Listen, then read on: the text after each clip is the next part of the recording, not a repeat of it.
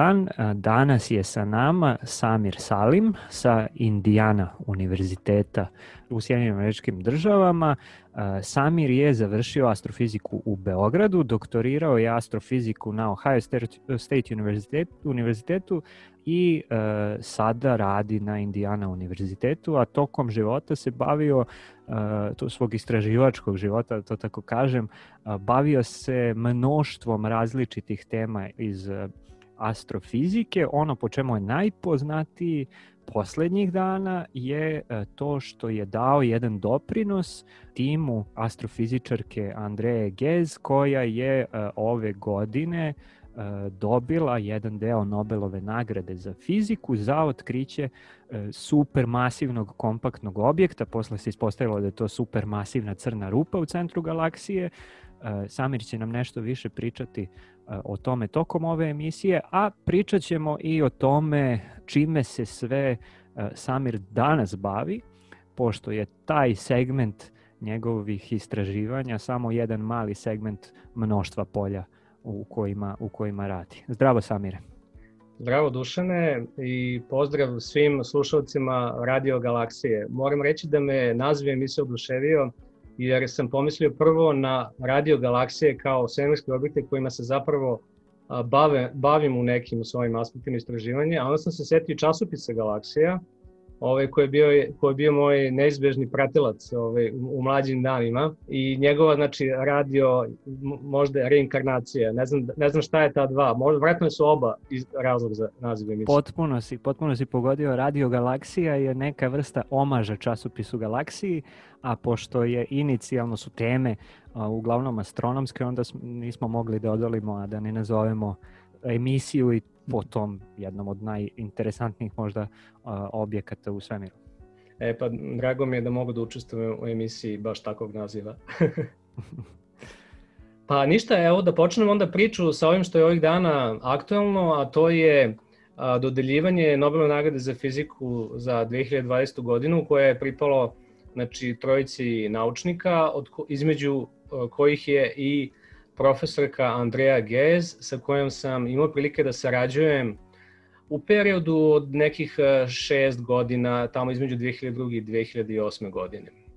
Meni ko prvo, moram, prvo želim da čestitam profesorki Gez i ovaj, o, o drugim dobitnicima Nobelove nagrade Penroseu i uh, Genzelu, koji su zaista svi dali izuzetan veliki doprinos u istraživanjima, što teoretskim, što ovim empirijskim istraživanjima crnih rupa i pogotovo ovih supermasivnih crnih rupa.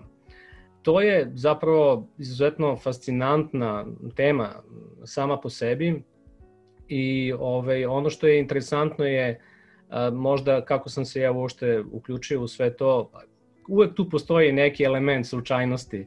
Tako da je ovo bilo zapravo jedna interesantna priča kada je u pitanju slučajnost.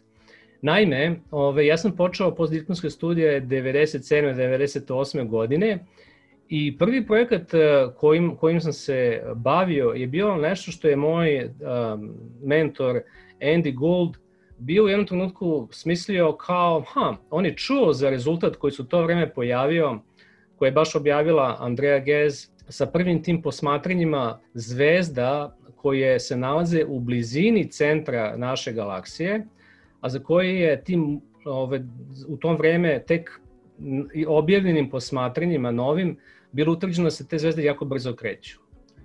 I a, donekle se već tada očekivalo da je to možda ovaj, a, ukazatelj da je to jako brzo kretanje posledice postojanje te jako masivne crne rupe. Problem sa crnom rupom je, kao što je naziv ukazuje, da ne možemo da je vidimo, tako da jedino što je moglo da se vidi u tim posmatranjima da se zvezde brzo kreću. Ono što je moj mentor pomislio u tom trenutku je da kroz, ako dovoljno dugo čekamo, možda ćemo biti u prilici da vidimo da te zvezde počinju da opisuju neku orbitu. Mm. U ovom trenutku jedno što se videlo je da se one pomeraju, ovaj, ali ne da one zapravo slede neko, neko orbitalno kretanje. I ideja je bila da ako bi se dovoljno dugo pratile, pratilo kretanje to zvezda, da bi određivanjem tih orbita, iako ne znamo gde se nalazi zapravo njihov centar, ali koristeći matematičke metode, ovaj, bilo moguće utvrditi jako precizno i masu te supermasivne crne rupe i odrediti koliko je udaljenost do te, do te e, crne rupe. Uh mhm. -huh. Zašto je ta udaljenost isto jako bitna? Zato što time bi odredili udaljenost od Sunca do centra naše galaksije. Uh mhm. -huh. Ta, taj broj, o, izražen u parsicima recimo, je bilo nešto što je uh, nikada nije bilo dovoljno precizno određeno. Znači sve prethodne metode su davale velike greške uh, red veličina 20% i to je jedna od fundamentalnih stvari koje želimo znamo naše galaksije, koliko smo mi daleko od centra galaksije. Mm -hmm. I ispostavilo se da ako bi ove zvezde ove, opisale tu orbitu, da bi moglo znači, u isti mah koristeći e, te matematičke metode odrediti i masu te supermasne crne rupe i rastojanje do, do, do centra galaksije. E sad, nekako je e, možda intuitivno jasno svima koji su jel te, učili fiziku u osnovnoj školi e, da e, ako bismo imali orbitu tih zvezda, to znači da možemo samo da sledimo onaj čuveni treći Keplerov zakon koji povezuje period i veličinu orbite i na osnovu toga bismo mogli i masu jel te, celog tog sistema, na osnovu toga bismo mogli da izračunamo masu celog tog sistema. Da. To, jel to taj princip? To je, to je u principu taj princip, s tim što je, kao što si rekao, potrebno da znamo veličinu orbite, Međutim, veličina orbite je poznata jedino u ugaonim jedinicama, budući da je, da je rastojanje do centra galaksije takođe nepoznato. I ovaj, opet sledeći relativno kažem, jednostavno znanje iz, iz, iz, iz fizike, ono što je potrebno dodati tom sklopu jednačina je i radijalna brzina. Znači mi moramo da zapravo imamo vezu između fizičkih jedinica brzine i ugaonih jedinica lučnih sekundi, na primjer, kroz godinu. Da bismo samo našim slušalcima objasnili, kad kažemo radijalna brzina, mislimo na brzinu kretanja tih zvezda duž pravca posmatranja, a kada kažemo ugaone karakteristike brzine, onda mislimo na brzine koje su normalne na to, znači one koje se nalaze u ravni koju posmatramo. Znači to su neke dve komponente i one određuju zapravo brzinu kretanja bilo kog objekta koji posmatramo, u ovom slučaju tih zvezda. Jeste. Znači, za rešavanje, potpuno rešavanje tog celog sistema je potrebno da se sve to zna. U to vreme kada, su, kada smo mi taj projekat e, ovaj, uradili teoretski skroz, još uvijek nije bilo izvesno da li će biti uopšte moguće izmeriti te brzine. Da podsjetimo slušalce, brzine se radijalne mere posmatrići crveni ili plavi pomak u spektralnim linijama to je izuzetno teško raditi kada su u pitanju ove zvezde blizu centra galaksije. Za početak mi ih posmatramo u infracrvenoj oblasti spektra i generalno je to izuzetno tehnički um, jako, jako ovaj, težak, težak aspekt. Međutim, to zaista je počelo da se dešava par godina kasnije, su prva ta posmatranja i, i se i desila. Tako da se taj metod koji smo mi predložili da se koristi, je zapravo moglo da se izvede. Još jedna dodatna stvar koja odstupa od tog standardnog uh, trećeg Keplerovog zakona je činjenica da mi ne znamo gde se nalazi centar uh, fokus orbite, za razliku od običnog dvojnog sistema gde su obe komponente vidljive, ovde mi ne znamo gde je taj centar crne rupe, što uvodi jednu dodatnu komplikaciju u, u, u ceo taj proračun, i čini da, ovaj, da, da, da, da su zapravo, da je preciznost metoda manje nego što bi bila da bi, da, kad bi tačno znali gde, gde se nalazi crna rupa.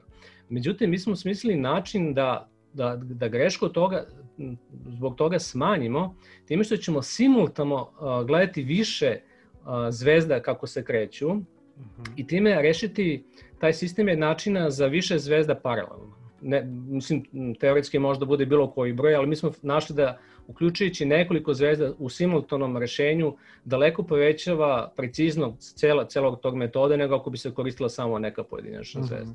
Znači, nekoliko zvezda koje se kreću oko tog objekta u centru, pošto je to toliko masivan objekat da, da zapravo te zvezde toliko ubrzava, odnosno e, e, daje im toliko veliku brzinu, yes. uh, najveća je verovatnoća zapravo da se sve te zvezde kreću upravo oko tog kompaktnog objekta. Jeste. I ovaj, to je dalo znači, osnov za sve to. Ono što sam pomenuo kao faktor slučajnosti je bio, znači, ja sam o, to istraživanje radio na Ohio State-u i to je bilo jedno tema kojim sam se tad bavio, ostale i nisu bile vezane za centar galaksije. Ono što je bilo onakve slučajnosti je što sam kao postdoc ovaj, zapravo bio na UCLA u Los Angelesu, gde je Andrea Gez zapravo profesor. Uh mhm. -huh. I ja nisam došao tamo kao njen pozdok, da radim u njenom timu uopšte.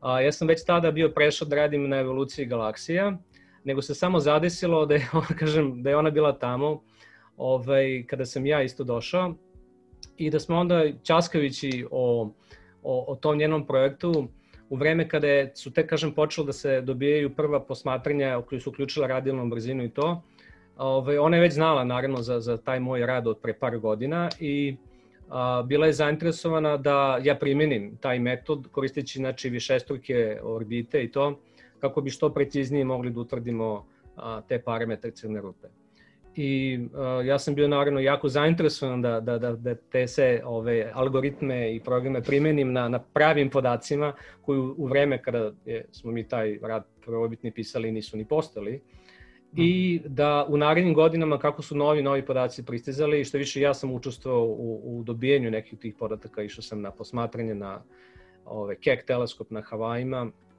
Ove, bilo je jako zanimljivo pratiti kako zapravo uh, se upotpunjuje naše znanje vezano za, za, za, za te orbite i samim tim kako dobijemo sve preciznije i preciznije uh, uh, vrednosti i za masu ovaj, tog objekta i za takođe, kao što sam pomenuo, rastojanje do, do, do centra galaksije. Ono što je tu jako bitan aspekt je, kao što se u ovom obrazloženju za Nobelovu nagradu pomenje supermasni kompaktni objekat. Cela ideja je bila u tome da nije odmah moglo da se bude baš siguran da li se radi o crnoj rupi. Naime, moguće imati jako veliku masu, u ovom slučaju radi se o nekoliko miliona sunčevih masa, koju ove orbite ovaj, osjećaju, da tako kažem. Teoretski je moguće da ta masa nas, da je nastala čak i od jednog jako zbijenog zvezdanog jata. Mhm. Ovaj, zvezdana jata i lako dostižu tu masu. Međutim, jato ne može da bude užasno kompaktno užasno malih dimenzija, jer bi onda kolapsirala. Mm. Tako da sve zavisi, znači e, ideja je bila u koliko malom prostoru se nalazi ta masa. Mm -hmm. I ono što su nam ove, orbite ovih zvezda omogućavala je, budući su one jako izdužene, te orbite izgledaju kao orbite kometa, koje mm. kada su blizu, kao kada je kometa blizu Sunca, ona je mnogo, mnogo bliže nego što je kada je, kada je u onom daljem delu. Znači, te zvezde prolaze blizu tog objekta. I neke od tih zvezda prolazi jako blizu. Tako da, na primjer, e, zvezda koju smo našli 2004. godine, stanovljeno je da prolazi na samo 45 astronomskih jedinica od tog centra. A to je otplike razmera našeg sunčevog sistema. Znači, ta, mhm. ta jako velika masa mora da bude u tom jako mali zapremini. A to je mhm. onda praktično isključuje ostale mogućnosti sem te crne rupe. Da, da, da i e, što je više bilo podataka, to je više bilo zapravo e, potvrde da taj metod radi, vi ste to razvijali verovatno i dalje. Mm, da, da, da. Pa taj osnovni metod je bio ovaj, e, zapravo to što sam već opisao, ali ono što je omogućavalo da on, kažem, postaje sve moćniji su naravno sve, sve, sve, sve više tih posmatranja i takođe preciznost tih posmatranja je, je počela mm -hmm. da mhm. raste. Jedna od stvari koja je znatno uh, doprinala tome je, inače moram da pomenem, sve, sva ova posmatranja se ove, mere u deliću neba koji je velik uh, jedna lučna sekunda. Mm što je izuzetno mali, ove, to je, kako da kažem, jedan, znači jedan lučni ste, e, mesec je pola lučnih stepena, pola stepena da. a ovo je otprilike 2000 deo, deo veličine meseca. Znači radi se o nevrovatno uh, uh, sitnom delu neba. I jedini način da se on posmetra je koristeći tu tehniku adaptivne optike. Mm -hmm. gde se... Što je isto jedna novina u, u, u tim, tom periodu.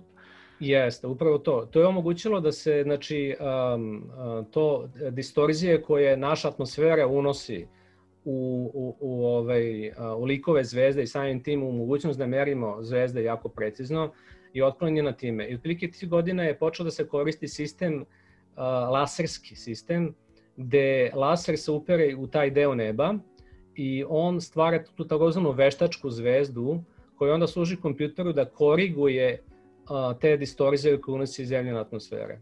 I to je dovelo do toga da smo u jednom tunku počeli da dobijemo jako ošt, oštrije slike i samim tim preciznija merenja koje su dovelo do tih još ovaj, većih poboljšanja tog metoda.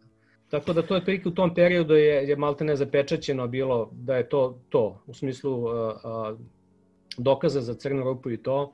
To je otprilike ono što je dalo, što jeste zvanično osnova za, za, za Nobelovu nagradu su radovi iz tog perioda i od tad pa nadalje se e, crna rupa, crne rupe u centrima galaksija sve više i više istražuju uh, i na razne načine, pa sad tu ima i onih procesa špagetifikacije, to je možda isto interesantno, mm -hmm. koji, koji su pojava da gas i, i e, da gas zapravo sa zvezde u ne, nekom vidu špageta akretuje se, odnosno pada mm. na tu crnu rupu i tako dalje i sve više i više zapravo posmatranja i istraživanja na tu temu. Jeste, ovaj, ono što je svakako jedan od taj najinteresantnijih aspekata crne rupe je naravno kada crna rupa pojede nešto. Mm -hmm. Ove, ovaj, I kada dolazi e, do dve stvari, znači dolazi do te špagetifikacije, do tog izvlačenja u filamente a, tog nekog objekta, na primjer recimo da se radi o zvezdi. I ono što je takođe zanimljivo je što onda crna rupa postaje na neki način vidljiva. Zato što ona u procesu tog e, usisavanja te materije, ta materija se zagreva na jako visoke temperature i to dovodi do emitovanja raznih e, elektromagnetnih talasa, uključujući X zrake i tako dalje. O, i, međutim, kao što sam pomenuo, naša ova crna rupa u našoj galaksiji je na nekoj dijeti, tako da zapravo jako redko ove, je u prilici da usisa nešto. Nikada se do sad nije desilo da usisa neku zvezdu, međutim povremeno se očekuje da neki oblak gasa se mm -hmm. nađe dovoljno blizu da, da bude usisan. Pre par godina je bilo u najavi bio otkriven jedan oblak gasa, ko, ko, oblak za koji se mislilo da je oblak gasa, moram to da kažem, koji je išao ka tom središtu, ka Crnoj Rupi i postalo se očekivanje da će doći do jednog vatrometa kada, kada taj oblak gasa priđe dovoljno blizu zapravo horizontu događaja, eto, delu gde je, gde je Crna Rupa postaje, kažem, opasna i usisava sve oko sebe ove, i da će kao rezultat toga doći do bljeska te Crne Rupe koju ćemo moći da onda pratimo i da preciznije vidimo i gde je tačan njen položaj. A, međutim, ispostavilo se da se radilo zapravo o običnoj zvezdi, a ne oblaku uh, gasa, nažalost. Tako da je ta, ta zvezda je prošla, kažem, u blizini crne rupe, ali nije se raspala i nije, nije, nije došlo do tog usisavanja materije koji, za koji smo se nadali da se desiti. Međutim, merenje se i dalje vrše, prati se situacija tu, tako da ovaj, za, za, za očekivati ili, ili nadati se da, da će tako nešto možda ipak da se desi u budućnosti. Takođe moram da kažem da tu daleko toga da, da, da je time što je pokazano kažem, postojanje te crne rupe, da je, da je tu završeno, da su tu završene istraživanja. Ono na čemu se sada rade, i tu, na primjer, taj tim uh, uh, profesora Genzela, koji je znači jedan od tih dobitnika. Ja kažem Genzel, u stvari mislim da na nemačkom je Genzel ispravnije, ali ga mhm. odem i tako pogrešno zovemo. Ove, ovaj, a, oni a, imaju interferometrijski sistem merenja zvezda. Mm -hmm. od, od pre par godina koriste uh, infracrvenu interferometriju gde kombinuju signale sa mm -hmm. više od jednog teleskopa da dobiju ultra precizne ove mm -hmm. snimke. I sa tim se uh, nadaju se da će, da će moći da izmere određene efekte vezani za opštu teoriju relativnosti. To do sada nije, nije zapravo bilo izučavano na, na fenomenu supermasivnih crnih rupa u, centrima galaksija. Um, da, koliko sam ja čuo, to je, ovaj, iako naravno da svi znamo već da, da, da uh, Einsteinova teorija funkcioniše i to nije, on kažem, problem generalno, međutim, uh, uh, većina testova je rađena u domenu takozvane slabe gravitacije. Uh -huh. I ima ih jako malo zapravo, nekih 7-8. Jeste. Tako da ovo otvara, kažem, novi jedan aspekt tih istraživanja vezanih za, za, za relativnost. Tako da eto, ima sva, svašta se dešava, da. e, pošto smo počeli sa ovim što je, što je ne, najpoznatija tvoja, ovaj, tvoj doprinos mm. nauci, to slobodno možemo tako da kažemo, što stvarno jeste ogroman jedan doprinos nauci, makoliko da, da, da sad možda tebi zvuči neprijatno što ovo pričam.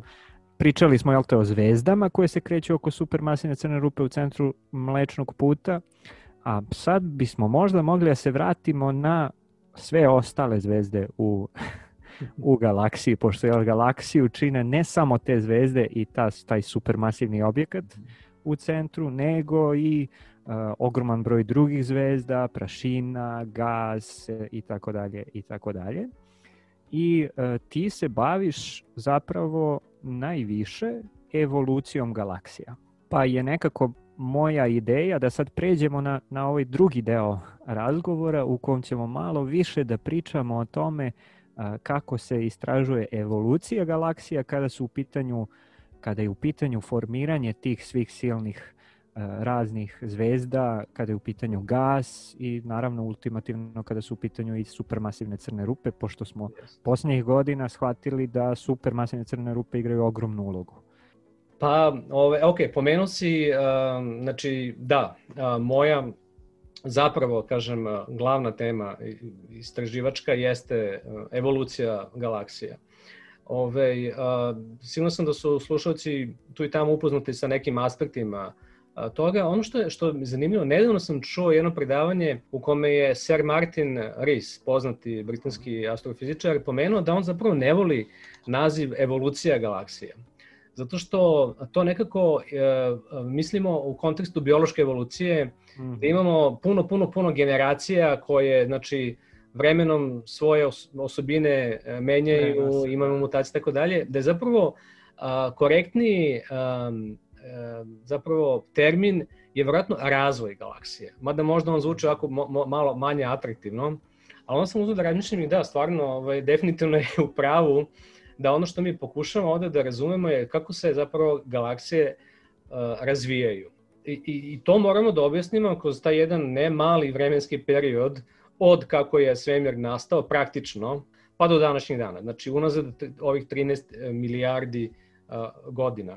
I ako se zapitamo zapravo koje su ta neka, kažem, velika pitanja u astrofizici koje još nismo dovoljno ovaj, obradili i o kojem još uvijek imamo puno preznina, ja bih možda, možda sam malo, malo pristresan, ali bih rekao da je zapravo znači, evolucija ili razvoj galaksije je možda jedno takvo pitanje.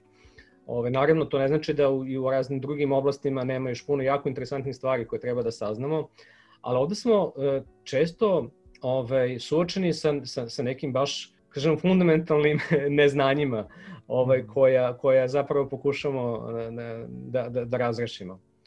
Jedan primjer je možda ono što je meni interesantno pomenuti e, kao možda početnu poziciju za, za, za to koliko zapravo ne znamo i koliko smo tek skoro ovaj, otkrili e, kako funkcioniše neki osnovni principi, a to je, svi znaju da je, da je recimo Hubble napravio klasifikaciju galaksija tamo 20. godina i tu imamo neke one, onu glavnu podelu na neka dva tipa, to su spiralne i eliptične galaksije i dugo se verovalo da su zapravo eliptične galaksije one koje su prve nastale, a da su spiralne nastale od njih. Pa imamo tu onu podelu na uh, galaksije ranog tipa, to su ove uh, eliptične galaksije. Međutim, ispostavilo se da to potpuno drugačije.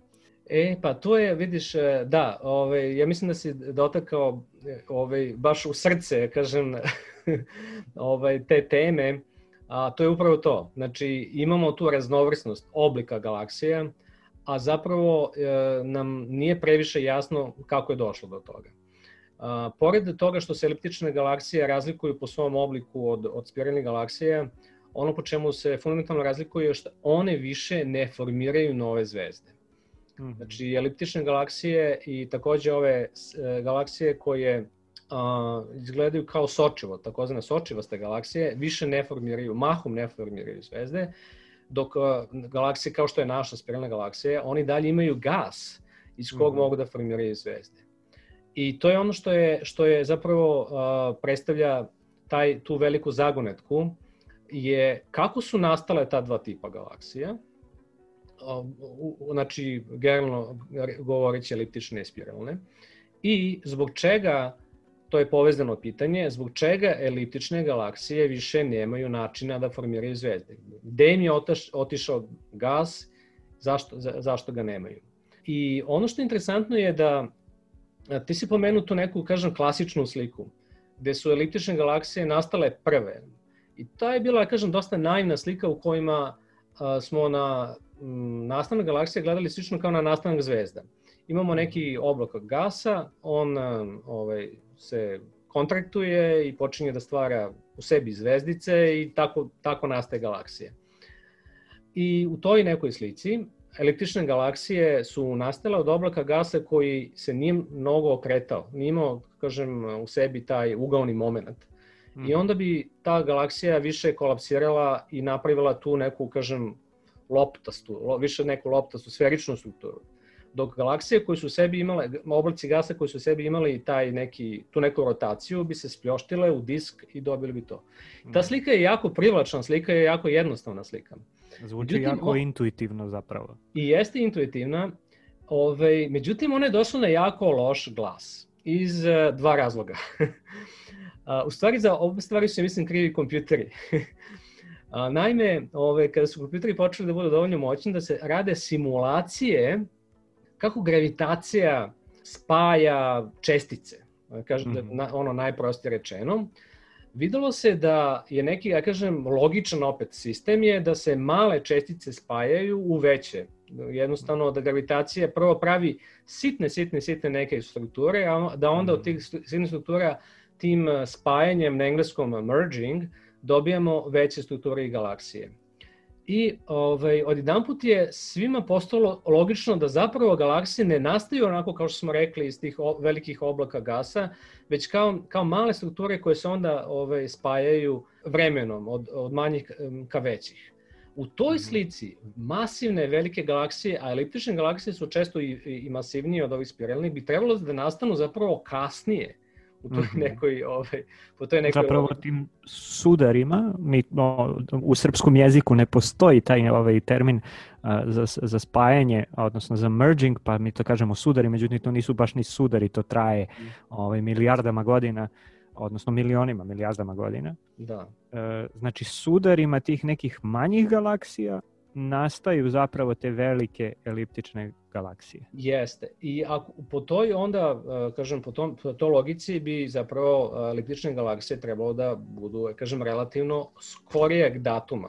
Mm -hmm. ovaj, takođe e, su kompjuteri pokazali da ako uzmemo dve spiralne galaksije koje oba imaju lepe ravne diskove i rotaciju, kada njih ovaj, sudarimo u kompjuteru, da dolazi do gubljenja tog ugaonog momenta, da se e, diskovi uništavaju i da ono što ostaje posle toga je zapravo galaksija koja liči na eliptičnu galaksiju.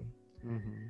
Ta dva rezultata, oba, kažem, vezanih za kompjuterske simulacije, su bili toliko e, nekako ubedljivi da, smo, da smo onda kao polje počeli da, da, da se prebacujemo masovno na tu novu ovaj, sliku, gde zapravo te dve tip, ta dva tipa galaksije nastaju zapravo kao rezultati većeg ili manjeg broja sudara. Mm -hmm. Međutim, situacija nije tako jednostavna. Ove, prvo, merenjima, pošto, ok, mi, kako mi možemo da utvrdimo da li je ta slika tačna ili nije? Postoji dva načina. Jedan je ovaj kojim se više ja bavim, a to je da posmatramo veliki broj galaksija u sadašnjem svemiru i da, poku, i da pokušamo da nešto, ja kažem, arheološkim metodima utvrdimo mm. kada su zapravo one najviše stvarala zvezda u svojoj istoriji i tako dalje. To je jedan metod. A drugi metod je, budući da gledanje u prostor znači gledanje u, u prošlost, kao što naši slušalci znaju, mi možemo da zapravo, koristeći sve veće i veće teleskope, vidimo kako je svemir izgledao u ovim prethodnim uh, epohama, mm. milijardama godina i da vidimo da li se zapravo o, ova slika o kojoj smo upravo pričali, kako nastaju galaksije, da li možemo da je potkrepimo posmatračkim podacima. Konkretno, da li možemo da vidimo sve te kolizije, sve te sudare galaksije koje bi onda trebalo da su, da, da, da, da su doveli do formiranja tih električnih galaksija. I u poslednjih godina postaje nam jasno da je odgovor zapravo ne. znači, ti sudari se dešavaju, međutim oni su dosta redki. Mm -hmm. I teško je objasniti celu populaciju uh, uh, ovih svih uh, tih uh, električnih galaksija koja zapravo ne bi imala šanse da se stvori na taj način. Mhm. Znači, ne možemo da kažemo da od svih spiralnih galaksija sudarima nastaju eliptične galaksije i odnosno da eliptične galaksije nastaju samo sudarima spiralnih galaksija. Izgleda da to nije slučaj, da. Šta je tu mogući izraz, izlaz iz toga? Ne mogu kažem da znam, budući da je to, za, za, zato se i bavimo ovim još uvek, je da je tu možda neka kombinacija ta dva metoda, te, ta, ta, kažem, ta dva mehanizma, Međutim, moguće da, se taj, e, da je taj mehanizam tih sudara bio bitan samo u jako ranom svemiru, kada se zapravo e, određene, e, kažem, te rane galaksije su već tada napravilo dosta veliku masu tim, tim, tim, tim mhm. spajanjima, ali da su posle toga manje više pasivno ovaj, evoluirale u, u, u kasnijem periodu. Mm -hmm. Tako da, to je malo, uh, znači nije ona naivna slika gde se samo male stvari pretvaraju velike, nego da su neke velike, veliki objekti su, su postali već u ranom svemiru. I sad mm. neki zapravo posmatranje, ima sve više posmatranja koji ukazuju da zapravo to možda i jeste tačno. Ovde možemo da napravimo malu pauzu. E, slušalcima preporučujem, pošto smo sad već pričali o dosta različitih tipova galaksija, da pogledaju Galaxy Zoo Galaxy Zoo je jedan interesantan sajt na kom uh, bilo ko može zapravo da proba da klasifikuje galaksije, da tako pomogne uh, ogromnim uh, pregledima neba koji imaju ogromnu količinu podataka uh, oko klasifikacija i onda ćete i videti zapravo kako te galaksije, ovo što, o čemu smo pričali, morfološki izgledaju. Znači, da li su sa e, nekim e, strukturama u disku, da li su eliptične, da li su u, u interakciji, odnosno u sudaru i tako dalje. A mi ćemo se posle pauze vratiti da malo pričamo o tome šta znači to da su galaksije pasivne, e, aktivne i kako galaksije umiru.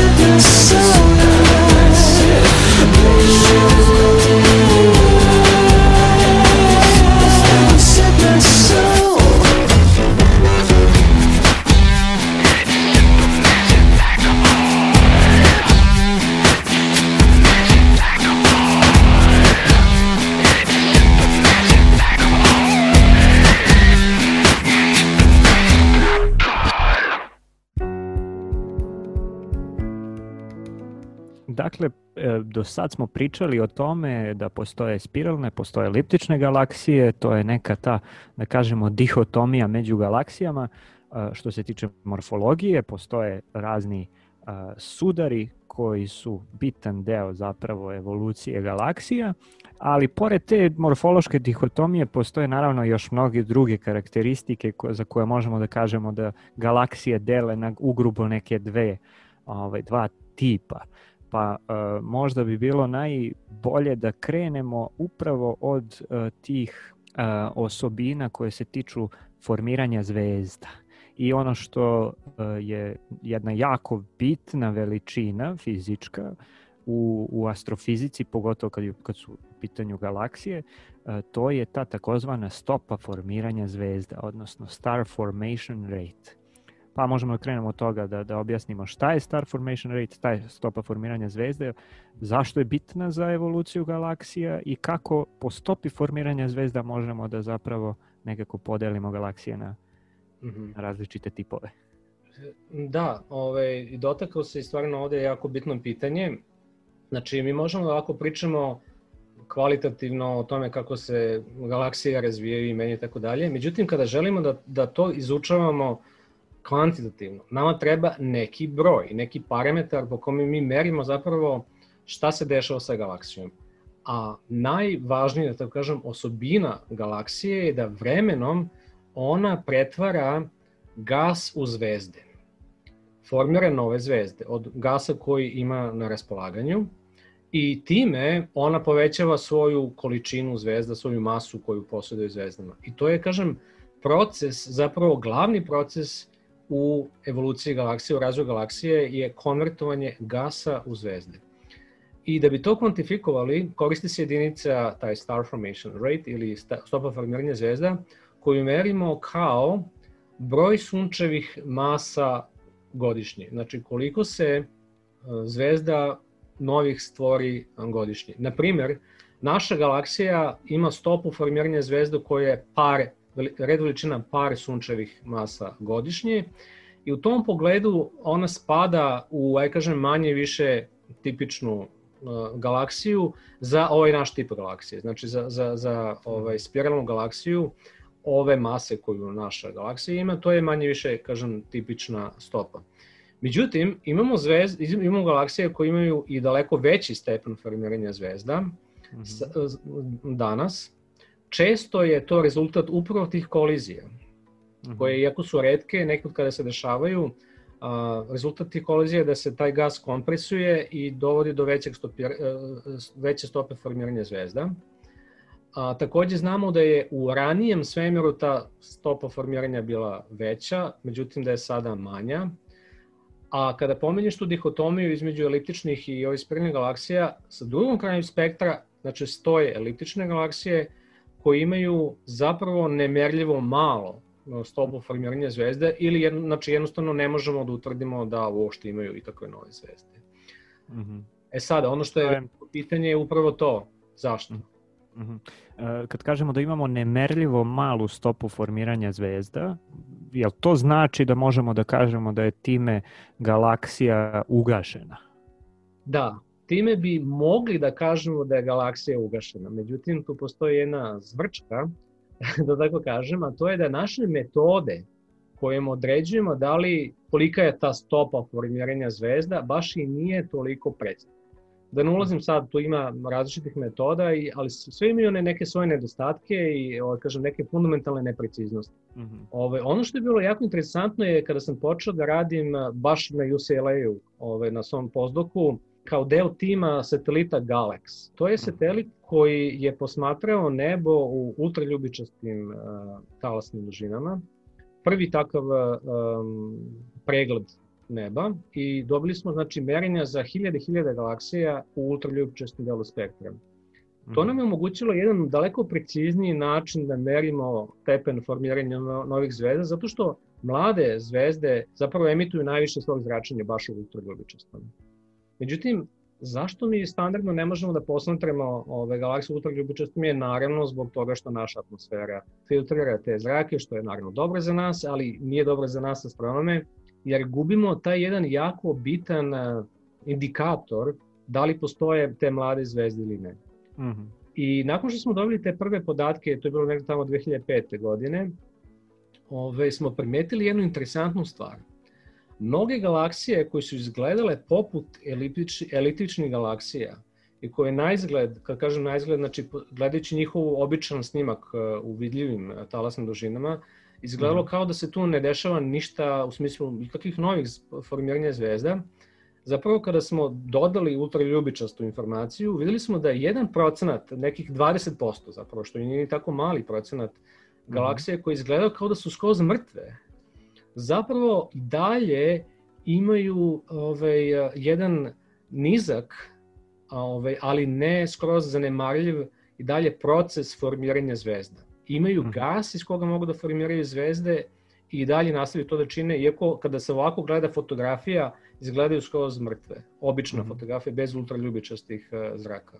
Znači tu je sad bitno da razgraničimo uh, to da uh, svi, recimo evo pomenuo sam onaj Galaxy Zoo, one fotografije, snimci sa, uh, koje, koje ljudi mogu tamo da vide su sa ovog, iz ovog čuvenog SDSS kataloga, Sloan Digital Sky Survey. To su vidljivi podaci u optičkom delu spektra, a Galaxy je zapravo dopunio informacije o tim galaksijama u ultraljubičastom delu i ultraljubičasti deo spektra pokazuje da ipak te galaksije nisu toliko jednako eliptične, nego da postoje neke razlike u, mm -hmm. uh, u, u informacijama o stopi formiranja zvezda. Jeste, ovaj, i to je ono što je, kažem, kada smo to otkrili ovaj, tamo negde 2005. 2006. je, je zapravo donekle promenilo našu paradigmu o toj ideji između toga šta je šta su uh, galaksije koje su i dalje aktivne u smislu formiranja zvezde i šta su, šta su te mrtve galaksije za koje se smatralo da je jednostavno ili, da je situacija ili ili.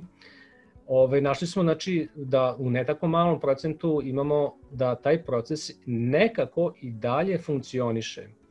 I to je, kažem, otvorilo jedan splet novih pitanja.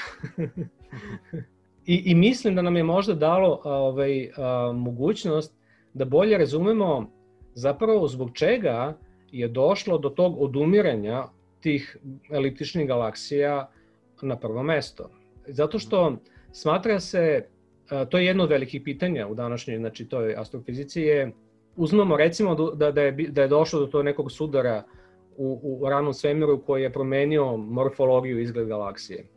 Međutim, sve simulacije ukazuju na to da sem ako se ta galaksija ne nalazi u jatu galaksije, a što zapravo je jedan manji procenat galaksija, da, mhm. da jedna obična, kažem, e, ta eliptična galaksija ili galaksija koja je izgubila ovaj, spiralne krake, da bi ona posle nekog vremena trebalo opet da počne da usisava da, uh, gas iz gas. okolnog prostora mm -hmm. i da se jednostavno formiranje tih zvezda nastavi da teče dalje. Drugim rečima, mm -hmm. mi ne mhm. bi trebalo da skoro nikada vidimo stvarne, totalno mrtve eliptične galaksije, nego bi oko njih uvek trebalo da se formira neki novi disk sa mladim zvezdama, potencijalno možda i sa spiralnim kracima.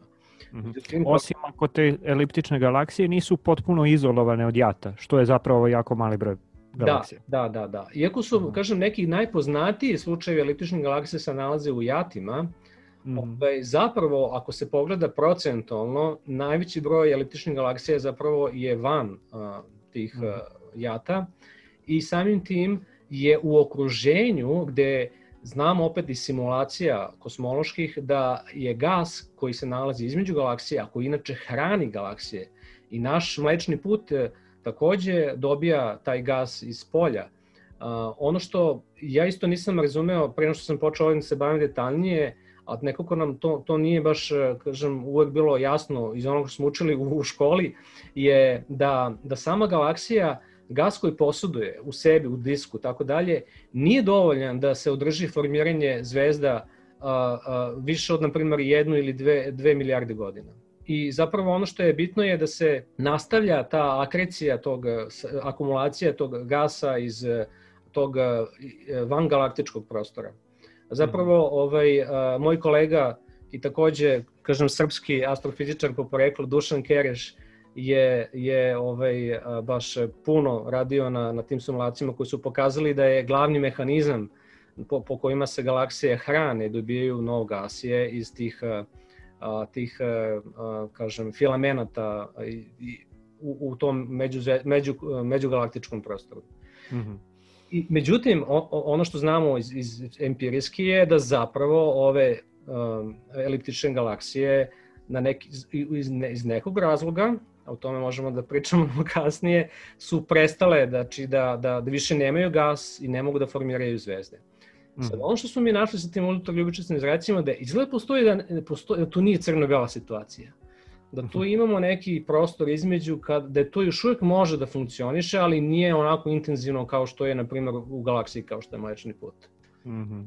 Znači, tačnije da kažemo, nije crveno-plava situacija, pošto su te galaksije koje, koje su mrtve, da tako kažemo, nemaju gase, nemaju formiranje, novo formiranje zvezda, u tom ultraljubičastom, u tim ultraljubičastim posmatranjima na tom crvenom delu, a ove koje su mlade, koje imaju još uvek dosta gasa i formiraju zvezde, one su plave, da tako kažemo. I to je ta, tako se i zove, jel da? Plavi, ja, plavi i crveni. Da, one su, mhm. naravno, zbog tih masnih zvezda, one su više plavičaste, a dok su ove takozvane mrtve galaksije više uh, crvene. Međutim, ono što je znači, interesantno bilo dodavajući te informacije iz ultraljubičastog, smo videli da zapravo nisu sve crvene galaksije podjednako crvene, I zapravo mhm. zbog toga je uveden naziv tih takozvanih zelenih galaksija. Iako one naravno ne izgledaju ošte zeleno, jer, jer mešina nijednih, nijednog, kažem, spektare zvezde nikad neće dati zelenu boju, ali čisto po analogiji niza boje u spektru i boja koje između crvene, plave i zelena, ove, ove galaksije zovemo galaksije iz takozvane zelene doline, Dolina je zato što ih nema toliko puno kao galaksije koje su plave i koje su crvene, tako da ako razmišljamo kao nekom histogramu, njih ima, njih ima između njih, ali ni, definitivno nije prazan prostor. mm -hmm. E sad, koje su to karakteristike tih galaksija uh, zelene doline i zašto su one bitne Uh, ajde da sad se fokusiramo možda i na priču o, o razvoju galaksija. Da. Zašto su one bitne u kontekstu razvoja galaksija? Pa on, one su, po mom mišljenju, najbitnije u kontekstu razvoja galaksije zato što upravo zbog toga što a, one nisu, u njima to formiranje zvezda nije u potpunosti stalo. Mm -hmm. A, jedno, kada sam počeo da se bavim temom tih galaksija, zapravo kada smo detektovali da one postoje, to je bilo negde tamo 2007. 2008.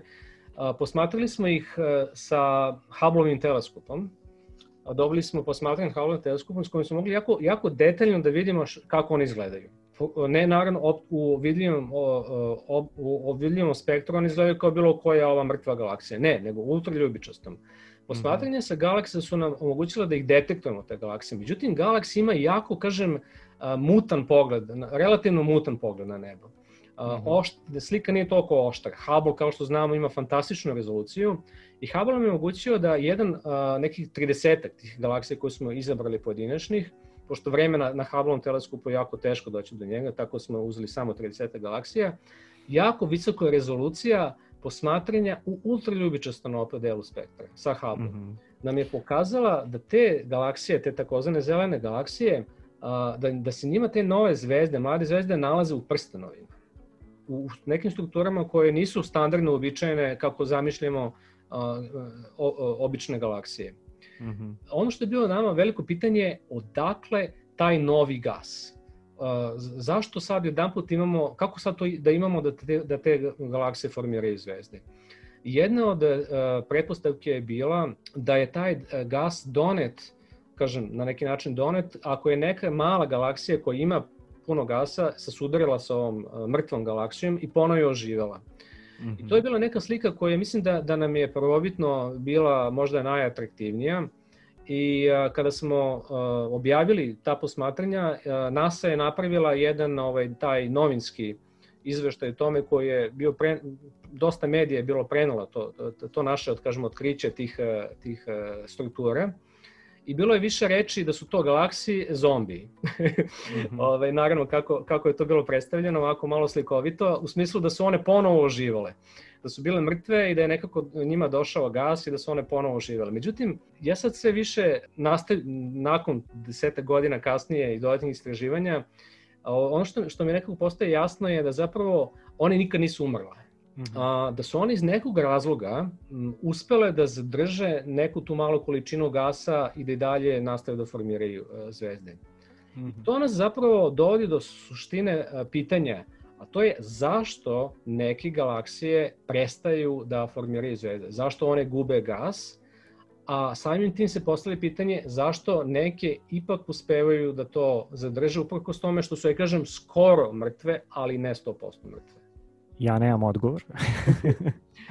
ono što je potencijalni odgovor na to pitanje je zapravo ono čega smo i počeli današnji razgovor. Supermasivne crne rupe u centrima galaksija. Upravo to. Kako? Međutim, u ovom slučaju se ne radi o supermasivnim crnim rupama koje poput ove naš, u našoj galaksiji sede i ne čine baš ništa posebno. Ovde se radi o takozvanim aktivnim uh, uh, crnim rupama koje zapravo usisavaju gas, imaju na neki način mogućnost da to rade i za koje teoretičari su u poslednjih, kažem, desetak godina, nešto više od toga, su predložili jednu novu, kažem, hipotezu da je upravo taj proces usisavanja materije u crnu rupu dovodi takođe, kao što i znamo, do zračenja iz te crne rupe takođe. Znači, crna rupa nije mm -hmm. da samo uzima, ona je i može da izbacuje e, mlazeve na električnih čestica, te takozvane vetrove gasa da stvari tako dalje. I tu se pojavila jedna hipoteza, znači da u procesu tog, kako ta crna rupa zapravo i raste, usisavajući taj gas, da izbacujući tu ogromnu količinu energije, da ona zapravo nekako uspeva da blokira te filamente, te koje, koje, koje kažem da je Dušan Kereš izučava, da uspeva da ih blokira i da napravi situaciju da galaksija postane odsečena od tog izvora gasa koji zapravo bi omogućavao da ona nastavi da formira zvezde. Mm -hmm.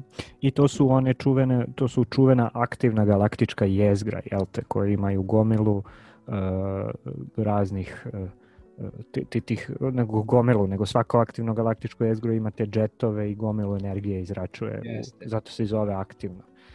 Da, um, njih za njih znamo naravno više, više, više decenije i one su i razlog zašto smo ovaj, prvobitno i uveli hipotezu da bi mogla da postoje supermasne crne rupe upravo kao kao, kao način da se takva nevrovatna energija e, zrači njih, pogotovo u ekstremnim slučajima kao što su kvazari, koji imaju izuzetno veliku stopu usisavanja gasa, pa samim tim imaju užasno veliku stopu e, zračenja energije.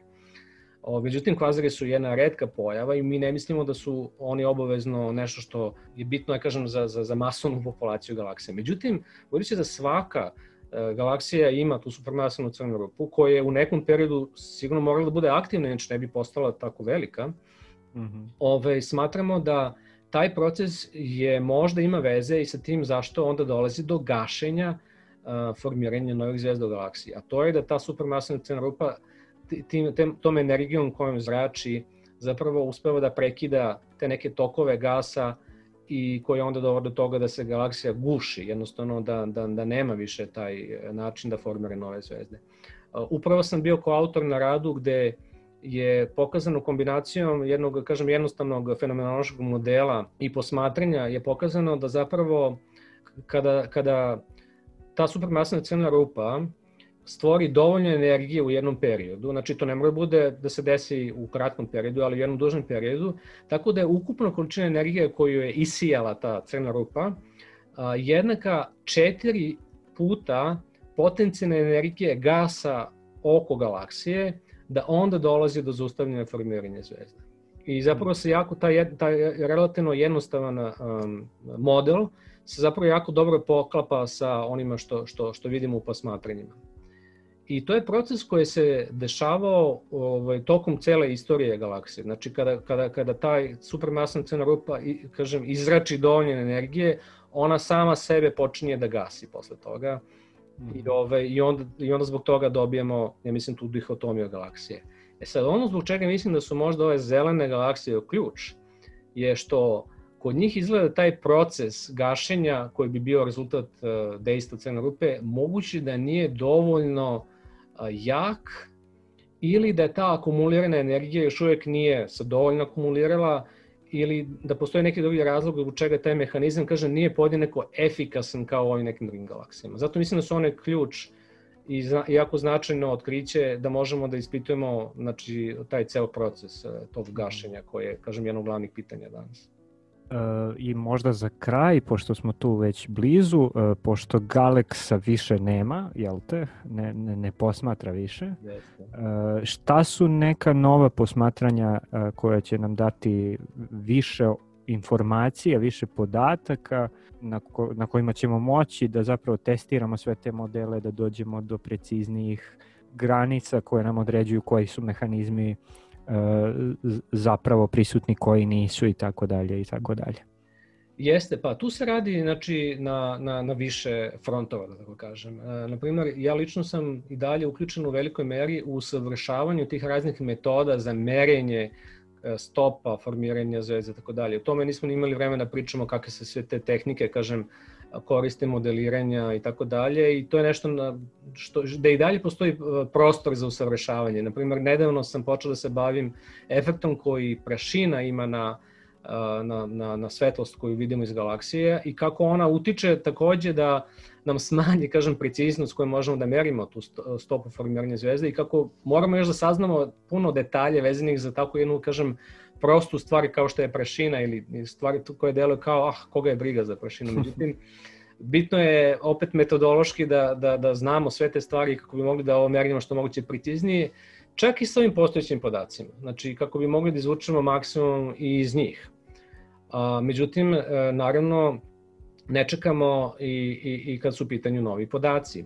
Da, upravo si kad kažeš da Galaksa više nema, međutim ono što je zapravo bilo ključno u tom projektu sa Galaksom je bila sinergija između Galaksa i ovog SDSS-a, znači ovog Sloan mm -hmm. surveya, koji je zapravo davao nam podatke o tome gde se galaksije uopšte nalaze, u smislu redshift, e, crveni pomaci i tako. On, on nam je zapravo činio osnovu za sample, na koji smo onda dodavali podatke sa, sa galaksa. E, ono što je novo, u čemu se ide dalje je da ta osnova, znači taj katalog sa redshiftima galaksije je ono na čemu se sada radi da se, da, da se značajno poveća. Naime, mhm. trenutno je, ovaj, nedavno je počeo projekat koji se zove Dark Energy Spectroscopic Instrument, DESI skraćenica, uh mhm. -huh. čiji glavni cilj je da se bavi kosmološkim pitanjima, znači širenje svemira i tako dalje, međutim, način na koji taj instrument i projekat radi je da snima spektre galaksija. Mm -hmm. I većina galaksije koje, koje kosmologe zanima se nalazi na mnogo većim rastojanjima nego ove što su, aj kažem, bile u okviru Sloan ovog e, pregleda neba. Međutim, jedan procenat tih uh, optičkih vlakana koji, koji, koji se nalaze na tom uh, spektrografu služi zapravo da se poveća sample ovih lokalnih galaksija. Tako da mhm. se očekivanje da će u narednih nekoliko godina sample koji je Sloan imao od oko milion galaksija da porasta nekih desetak miliona galaksija koristeći ovaj novi um, instrument, novi spektrograf.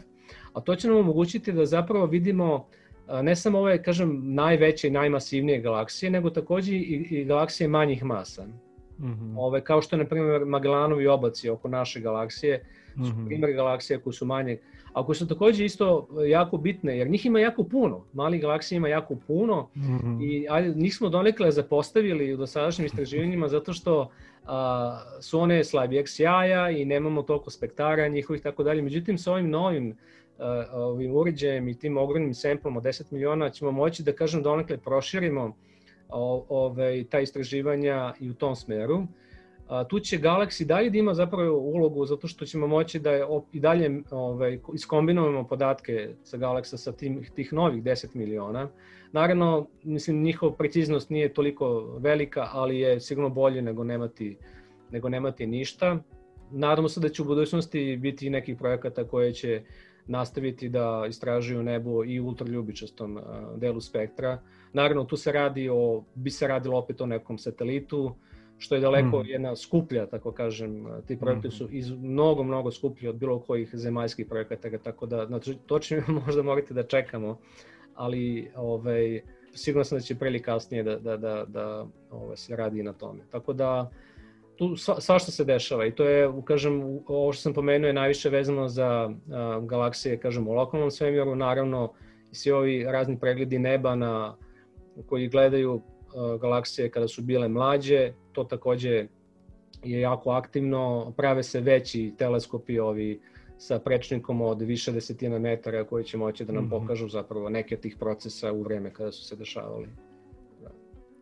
I naravno razvijaju se modeli, razvijaju se numeričke simulacije, sve to sad ide u smeru uh, big data, velikih podataka, machine learning se dosta puno koristi, tako da definitivno nas čeka interesantna perioda u istoriji istraživanja galaksija. Svakako, da, uh, slažem se. Svi ti, svi ti metodi sad se nekako ukrštaju, ovaj, tako da očekujem da će ono što sledi u narednim godinama biti jako, jako zanimljivo.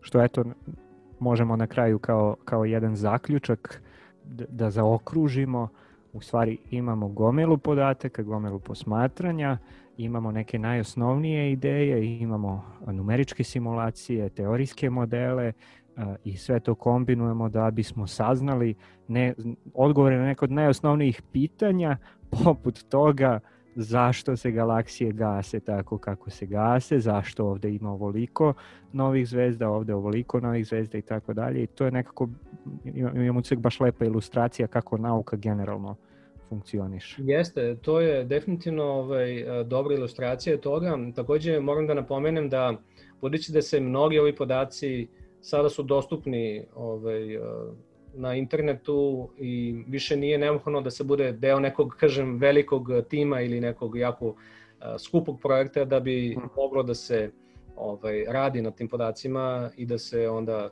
kažem, da neki doprinos e, toj temi. Pomenuo si, na primjer, taj Galaxy Zoo koji omogućuje, kažem, svakome da učestvuje u, u, u delu ovih istraživanja, ali takođe, naravno, i za profesionalne astronome, to je sad daleko jedna, kažem, bogatija situacija nego što je bila u prethodnim decenijama, gde zapravo sve više e, se, kažem, izravnava to neko polje globalno kada je u pitanju doprinos ovaj, istraživanju, a, definitivno astronomiji, da. Hvala ti Samire što si bio gost Radio Galaksije. Nema na čemu, bilo mi je drago da ovaj, učestvujem u emisiji i ovaj, hvala tebi Dušane na interesantnom razgovoru. Nismo mnogo stvari rekli, ovaj, a opet smo rekli dovoljno da, da sve naše slušalce sad ovo dalje može da interesuje. Ja ću ostaviti neke linkove u opisu epizode. E, na primer, ako nekog interesuje da čita malo više o ovim galaksijama, zelenim galaksijama, galaksijama zelene doline, E, ima jedan interesantan pregledni članak koji je Samir napisao za, za naš časopis uh, koji se zove Serbian Astronomical Journal.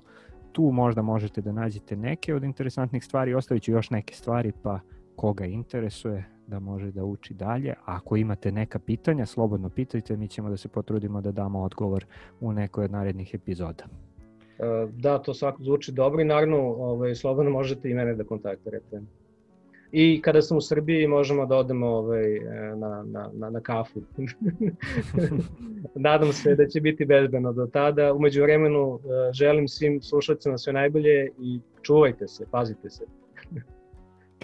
Evo kao što smo i sami Rijan preko Zuma e, snimili ovu epizodu, nadam se da neće biti još mnogo ovakvih epizoda, nego da ćemo moći normalno da da, da sednemo i da snimamo i pričamo i pijemo kafu i tako dalje. Čujemo se u sledećoj epizodi.